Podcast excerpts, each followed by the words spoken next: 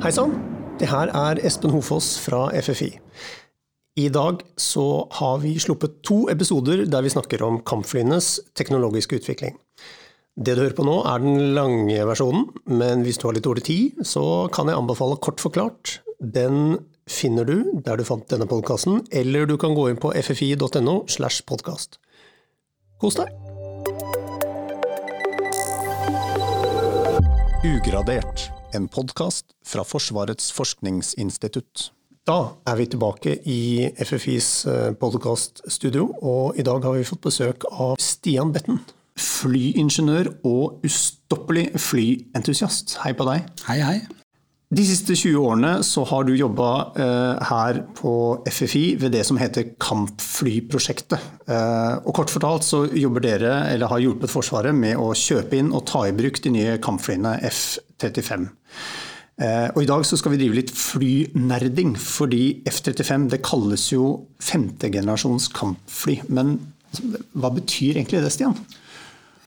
Nei, vi deler inn kampfly i generasjoner for å kunne si noe om de kapasitetene de, de flyene har fra forskjellige perioder og epoker i utviklingen. Og nå har vi kommet fram til femte generasjon. Ikke sant, men Hvis vi skal gå helt tilbake til første generasjon, når var det den kom, og hva var det? Hva, var egentlig, hva for slags fly var det? Da skal vi tilbake til annen verdenskrig, der luftkampen ble utkjempet av eh, propellfly. Eh, den første jetmotoren ble utvikla rett før annen verdenskrig, og det første jetjagerflyet fløy faktisk rett før eh, annen verdenskrig brøt ut. Nå var det bare ett jetfly som ble tatt i operativ bruk i noe stor grad under annen verdenskrig. Og Det betyr at de jetflyene som kom under krigen og rett etter krigen, de regnes som førstegenerasjons jetfly. De hadde stort sett jetmotorer som hadde ikke så, høye, så høy ytelse. De var utstyrt med rette vinger og egentlig veldig konvensjonell utseende fly, som minnet veldig om de propellflyene som de var arvtakere fra. Ja, det var rett og slett propellfly med eh, primitive jetmotorer? Ja. Hvem var de første som brukte det? da? De første som brukte det operativt, det var Tyskland. Da var det et fly som kalles, eh, ble kalt Messerschmitt 262, som ble brukt i stor grad. Men eh, britene hadde Gloster Meteor, og, og, eh, amerikanerne de fikk seg en jetmotor, og de også begynte også å utvikle på det, det tidspunktet. da. Og Alle de store nasjonene begynte å utvikle jetfly mm, under og rett etter krigen. Mm. Men var det en sånn, også, I og med at tyskerne var de første som tok dette i bruk, hva slags fordel var det de fikk, eller var det en stor fordel? Det kunne ha vært en fordel, men pga. valg som ble tatt, så, ble det ikke ut, eh, så fikk de ikke laget mange nok fly til at det hadde noe å si mot de Eh, enorme mengder med konvensjonelle fly som, som de allierte klarte å, å sette i, i, drift mot Tyskland. Hadde de, eh, hadde det begynt litt tidligere, så kunne det hatt noe å si. Men eh, det hadde egentlig ikke det. Og det var vel egentlig etter annen verdenskrig at jetflyene kom til, til sin styrke og ble virkelig mye brukt, spesielt under Koreakrigen. Og, da nærmer vi oss kanskje det de kaller andre generasjon. Og Da har vi kommet til 50- og 60-tallet, ikke sant? Ja, da, da, er du på tampen av første generasjon og kommer inn i andre generasjon, hvor, eh, du, hvor jetflyene begynner å fly supersonisk. De har bedre rekkevidde eh, fordi at de får bedre motorer. Eh, de er mer eh, optimalisert aerodynamisk. Noen får enkle radarer, og så kommer det styrbare missiler. Dvs. Si missiler som heimer inn mot den varmestrålingen som kommer fra flyet. Og da bruker de ikke lenger maskinkanoner og, og maskingevær som, til å skyte på andre fly. Mm, supersonisk det er rett og slett at de kjører fortere enn lyden? Da går de fortere enn lydens hastighet, som ved havoverflaten er rundt regna 1000 km i timen. Når oppsto egentlig det greiene med å dele dine generasjoner? Hva er egentlig poenget med å, å, å tenke på den måten? Generasjonen, eh, Det å dele inn i generasjoner eh, begynte man med for eh, rundt 2000-tallet, når den første femtegenerasjonsflyet dukket opp. Da var det F-22 som ble utviklet av USA, som hadde en ytelse som de ønsket å markedsføre som svært god.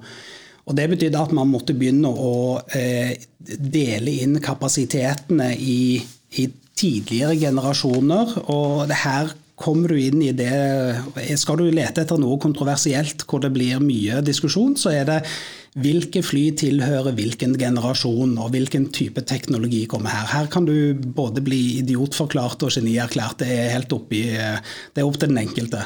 Det blir gøy da, å se kommentarfeltet når vi deler denne podkasten. ok, så det, det, var noe de begynte med på 2000-tallet, rett og slett for, for, å organisere utviklingen av kampflyene sånn som de har vært. Men ok, eh, andre generasjon det var supersonisk og eh, hadde begynt å få eh, litt mer avanserte styrbare missiler, og, og, radar også, eller? Ja da, radaren kom på Det, det har vært radar i, i flere av generasjonene, men jeg vil vel si at når tredje generasjon kommer, det er da du får avansert radar. Da blir han så liten, og da får han så gode ytelser at du også kan bruke den til å, å, å styre og eh, få radarheimende missiler som eh, går enda lengre enn de infrarøde heimende missilene. Og, eh, og, og, du har dermed mer eh, og bedre ytelse enn det du hadde før. På andre generasjon så var det da de starta med sånne katapultseter? Ja, det, det, kalles da helst utskytningsseter. Okay. Det, var, det, fantes tidlig utskytningsseter. Eh, de fant ut at når flyene går så fort som det de gjør med jetmotorer, så er det vanskelig for en flyger å klatre ut og hoppe ut i fallskjerm dersom man må det. Så de så seg nødt til å lage utskytningsseter. Og dette er en teknologi som har reddet eh, svært eh, mange piloter som har vært eh, ute i ulykker, kan man si, og, hatt, og, vært et sted de ikke klarer å komme seg ut av. Og da har de kunnet ta silkeheisen ned igjen, som det kalles. Dvs. Si skyte seg ut og kunne lande i fallskjerm. Mm. Vet du hvem som var den første som skjøt seg ut? Nei. De eh, aller første forsøkene skjedde i rakettslede i en ørken. Og, og eh, da var det kruttladninger som, eh, som sparket setet opp. og gjorde at, at, det var den akselerasjonen du ble utsatt for, var skadelig. Og mange flygere som fikk ødelagt ryggen av å skyte seg ut. Men det er kanskje bedre enn å være med flyet hele veien ned. Så etter hvert så har det kommet bedre rakettutskytningsanordninger som har en litt mer eh, myk akselerasjon, som gjør at du har sjanse til å fly igjen etter at du har skutt deg ut. Ikke sant. Og så, for Du snakka om Koreakrigen. Eh, det var der man begynte å bruke andregenerasjons fly. Ja. Da eh, oppdaget amerikanerne at Sovjetunionen hadde, hadde gjort et kraftig Eh, sprang i teknologi og, og kom med jetfly som hadde tilbakestrøkne vinger, som hadde svært god ytelse, og som var rett og slett eh, eh, farlige for de propellflyene som amerikanerne tenkte at de kunne bruke. Så da måtte de hive seg rundt og, og få jetfly inn i det teateret der òg, for å kunne stå imot den teknologien som de møtte der. Og det tok, Etter hvert så ordnet det seg, kan man si, fra, sett fra, fra, Vestens side. Men eh, det var, et, det var, en god periode hvor, hvor USA var underlegne i lufta. På 50-tallet? På 50-tallet. Mm. Uh, og Så går vi videre til den såkalte tredje generasjonen. Uh, da er vi oppe på 60- og 70-tallet. Ja, På 60- og 70-tallet så får jagerflyene de får en evne til å kunne angripe bakkemål sånn at de kan gjøre eh, to forskjellige ting på en gang. Fram til da så har det for det meste vært luft til luft. Så du har hatt fly som har hatt det som hovedoppgave. Så har du noen fly som har hatt hovedoppgave å angripe mål på bakken. Og så har du hatt store bombefly. Men eh, nå har du rett og slett muligheten til å kunne gjøre flere ting på en gang. Og du har muligheten til å kunne både finne mål på bakken og, og angripe dem med maskinkanoner og med bomber av eh, varierende typer. Mm. Men Hva er det som er vanskelig med å finne mål på bakken? da? Som gjør at de først nå får, det, får til det? Det som er vanskelig det er at radarene har ikke vært avanserte nok til å kunne brukes i den rollen mot bakken. Fordi at du får så mye reflekser fra forskjellige ting, og du må, du må rett og slett ha en, en, evne til å drive signalprosessering for å kunne, kunne finne det punktet og det målet som du er på jakt etter på bakken. Og det er, det er nå de, de får den evnen, og det er nå elektronikken og avionikken blir såpass komprimert at, du, at piloten får bedre hjelp til å kunne gjøre, uh, gjøre uh, jobben som han skal gjøre. Mm. Hvilke andre nye ting var det som kom på, på den tredje generasjonen? Eh, I, i tredje generasjon så kommer det også fly som har en evne til å spesifikt angripe luftvern. Og radarluftvern som står på bakken, og som har som hovedoppgave å skyte ned eh, de flyene som kommer inn. Og disse flyene har eh, igjen med bedre elektronikk og evne til å kunne jamme og skyte radarheimende missiler, så har, vi, har disse en mulighet til å både finne og angripe disse luftvernstillingene og Da kommer du inn i en eh, duellsituasjon hvor, eh, hvor, de på bakken prøver å skyte ned det som er i lufta, og de som er i lufta prøver å skyte på det som er på bakken, som prøver å skyte ned det som er i lufta. Fjerde generasjon, 70- til 90-tallet. Hva, hva, hva er som er nytt her? Det som er nytt med fjerde generasjon, det er egentlig litt mer av det samme. Du, har, eh, du får en eh, elektronikk som blir, eh, tar mindre plass. Du får mer avanserte datamaskiner. Du får sensorer som blir såpass små at du kan putte på flere sensorer på samme fly. Og dermed så får du en evne til å gjøre flere ting samtidig. Du kan både gjøre luft-til-luft, og du kan gjøre luft-til-bakke-oppdrag på en mer smidig måte enn det du klarte å gjøre før. Mm, hva slags sensorer snakker vi om da? Da er det, den Hovedsensoren på et eh, kampfly er radaren. Den er aktiv, sender ut eh, radarbølger og oppdager det tilbake. Men samtidig så har du også eh, elektrooptiske sensorer, som TV, som kan se i det synlige båndet. Og så har du infrarøde sensorer som også kan se varmestråling, og dermed kan brukes om natta. Eh, I tillegg så har de også eh, radarvarsler, eller evne til å oppdage andre sine radar- og radioutstrålinger. Og dermed så har du, å, har du, en evne til å kunne bygge opp et bilde av det som er rundt deg, både av eh, fly og av, som sender ut radio- og radarstråling, og det som er på bakken, som også sender ut radio- og radarstråling. Mm. Men Hva som gjorde at disse flyene klarte å håndtere sånne ting, eller ble mer smidige, som du sier? det som skjer, det er at de, på fjerde generasjon det er at disse eh, sensorene blir mindre. Du får det inn på en skjerm i cockpiten, sånn at du kan, kan se mer av det som skjer rundt deg. Så piloten får et bedre blikk på det som eh, foregår, og hva som er der ute som han er nødt til å forholde seg til. Eh, det som eh, Dette gjør at eh, du får muligheten til å bruke våpen i allvær. Dvs. Si når det er skyer, og når du ikke bare ser det, den motstanderen din visuelt. Og så får du også muligheten til å, å, koordinere bedre med andre i formasjonen din og med andre fly som er rundt deg i luften. Og så er det jo også noe med Det er vel her det her med stealth dukker opp. Altså Hva er det egentlig? Ja, det er, det er nå det begynner å dukke opp. Uh, stealth er i utgangspunktet en måte å unngå å bli oppdaget på. Når en annen radar sender radarstråling mot deg, så vil alle objekter vil sende dette tilbake. Stealth er en måte å gi form på flyet og, eh, og dekke det med materiale som gjør at radarstrålene blir reflektert vekk fra den radaren som kikker på deg. Og det vil si at det, det, kommer mindre energi tilbake, og da forsvinner du i forstyrrelser og støy fra andre ting. Og dermed så tar det lengre tid og du må før denne radaren klarer å oppdage deg. Og siden radar har vært hovedsensoren fordi at den virker i skyer og i allvær, så er dette en måte å unngå å bli oppdaget på, spesielt av disse luftvernstillingene som har som oppgave å skyte deg ned. Mm. Og Da var det amerikanerne som var først ute? Ja, det, det var amerikanerne som var først ute med å, å bruke teknologien til å eh, formgi fly og faktisk det, sette, få det opp i lufta.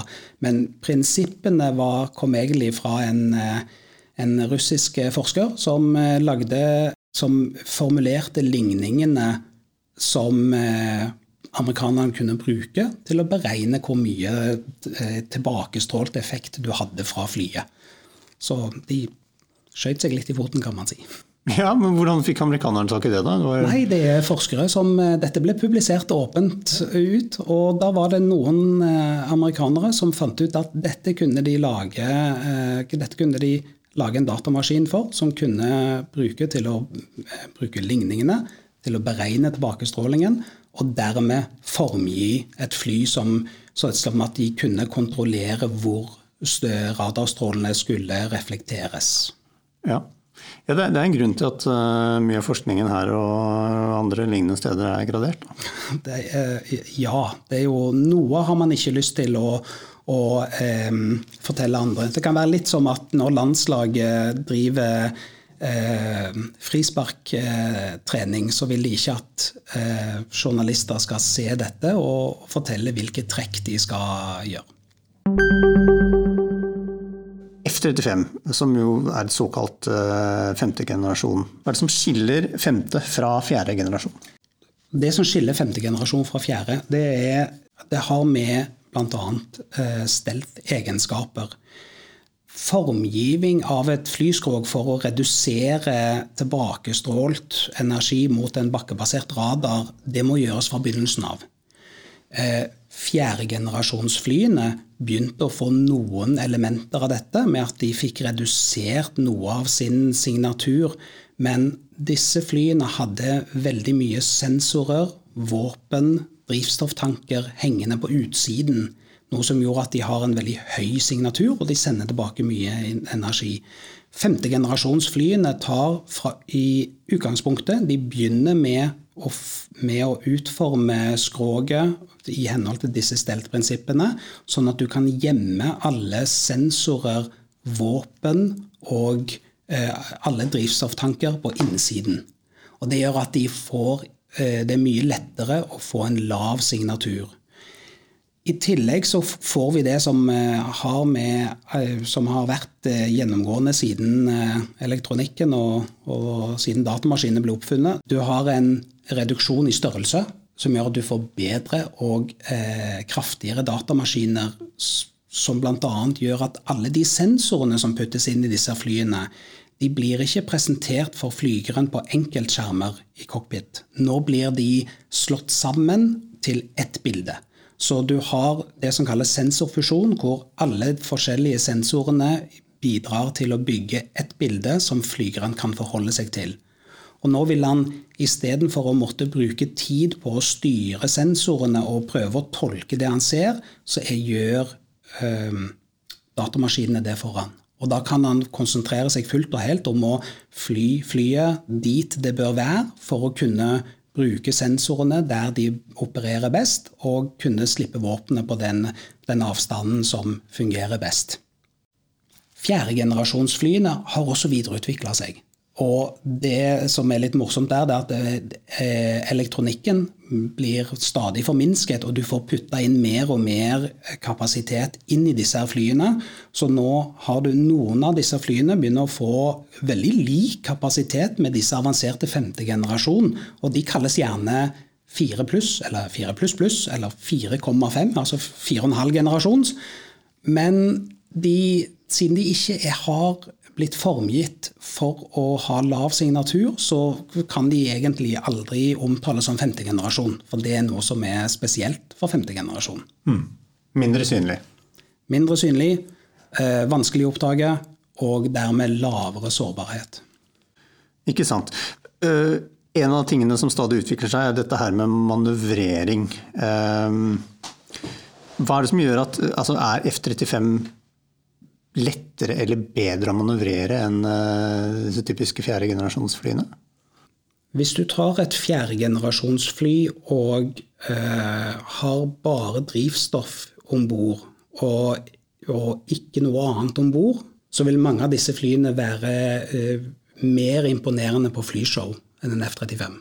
De vil kunne stige krappere og svinge skarpere og, og, ha, og rett og slett være mer manøvreringsdyktige. Men når du begynner å putte på drivstoff, eh, våpen og sensorer som gjør at han begynner å få den samme egenskapen som F-35, så vil de ha dårligere manøvreringsevne enn F-35. Så har du noen som har eh, det som kalles uh, thrust vectoring. Dvs. Si at du bruker ikke bare rorflatene til å bevege på flyet og, og, og, snu på det, men du bruker også utblåsningen fra motoren, og du vrenger den. Og det gjør at de kan få de får ha veldig høy manøvreringsdyktighet, og de kan bevege seg imponerende eh, sakte og fremdeles ha kontroll sjøl når et vanlig fly jeg ville ha ramla ut av luften, fordi at det hadde ikke hatt mer løft. Men der kan du bruke, eh, bruke utblåsning til det. det er, dette er noe som F-22 kan bruke, og dette er noe som flere russiske fly eh, bruker. Veldig, veldig imponerende.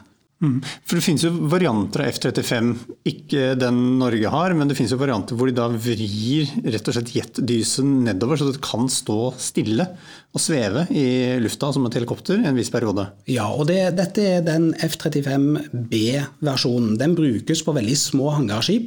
Eh, den, eh, eller til å, å stoppe i på, ute i eh, skogen, kan man si. Eh, den vrir eh, utblåsningen rett ned og har også en løftevifte midt i flyet, som gjør at den blir stående og balansere oppå to luftstrømmer, som gjør at den egentlig kan lande på veldig, veldig kort avstand, og kan også ta av på veldig kort avstand. Og Den versjonen kalles short takeoff and vertical landing. Mm. Det vil si kort avgang og vertikal landing. Eh, den bruker, den bruker, mye vekt på, å, å, på denne, all denne mekanikken her, og dermed så har han kortere rekkevidde og har, kan ikke ta så mye nyttelast med seg som gjør at den, den var ikke aktuell for Norge. Nei.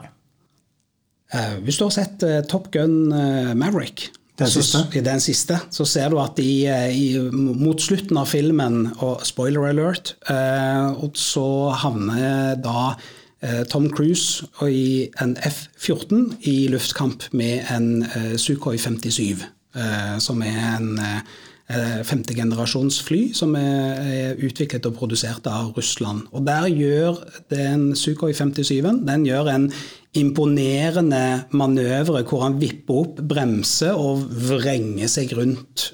Og dermed klarer å unngå et missil som skytes av, av Tom Cruise. Og det klarer man å gjøre ved hjelp av thrust vectoring, med at hun da er, har, er, er svært manøvrerbar. Og igjen, det gjør seg veldig, veldig fint på flyshow. Operativt sett så, så er, er, diskuterer man hva nytten faktisk er. Men har gjort seg veldig fint på film, da. Altså det, det, det, er mye snakk om nettverksbasert krigføring.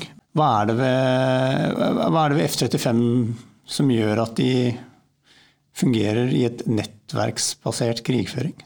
I eh, til dels tredje og også fjerde generasjons kampfly eh, fikk utviklet datalink mellom flyene. Dvs. Si at flyene kan dele informasjon, sånn at det går an å, å få bedre bilde på hva dine egne eh, kamerater driver med, og hva de har om bord av, av drivstoff osv. Det som er spennende i femte generasjon, det er at den datalinken som brukes mellom flyene, er, har mer informasjon i seg enn det du har hatt før. Og Det betyr at sensorene om bord på de femte generasjonsflyene de samarbeider. Og sånn at Nå er det ikke bare sensorene i det enkelte fly, men det er sensorene i hele formasjonen som jobber sammen, og dermed gir et enda bedre bilde til flygeren om hva som er der borte, og hvor det er. Og sånn at det går an å geolokalisere, dvs. Si finne ut hvor et mål på bakken er, med svært høy nøyaktighet. Mm. Det blir raskere og mer presist? Raskere, og det blir mer presist. Og det, du får gjort det på mye større avstand, som senker din egen sårbarhet. Mm. Så er det også mye snakk om at F-35 opererer jo ikke alene. De, det er jo et samvirke her med andre deler av Forsvaret. Altså, hvilke muligheter er det, nye muligheter er det der? Det er faktisk eh, veldig spennende. og Hvordan F-35 kan samarbeide med, eh, med, andre enheter både i vårt eget forsvar og blant allierte. Og eh, Samarbeid over datalink, både den som er spesifikk for F35, men også den vanlige datalinken.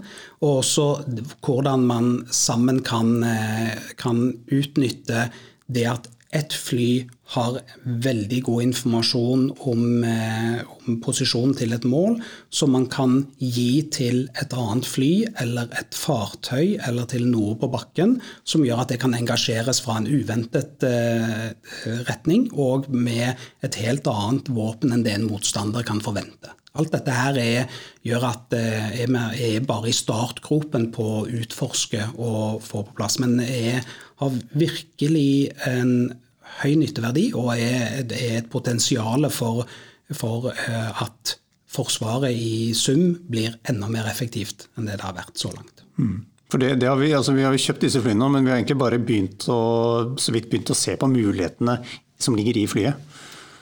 Ja, det er sant. Både når det gjelder mulighetene for hvordan vi kan samvirke, og også eh, hvilke muligheter vi har eh, her langt mot nord.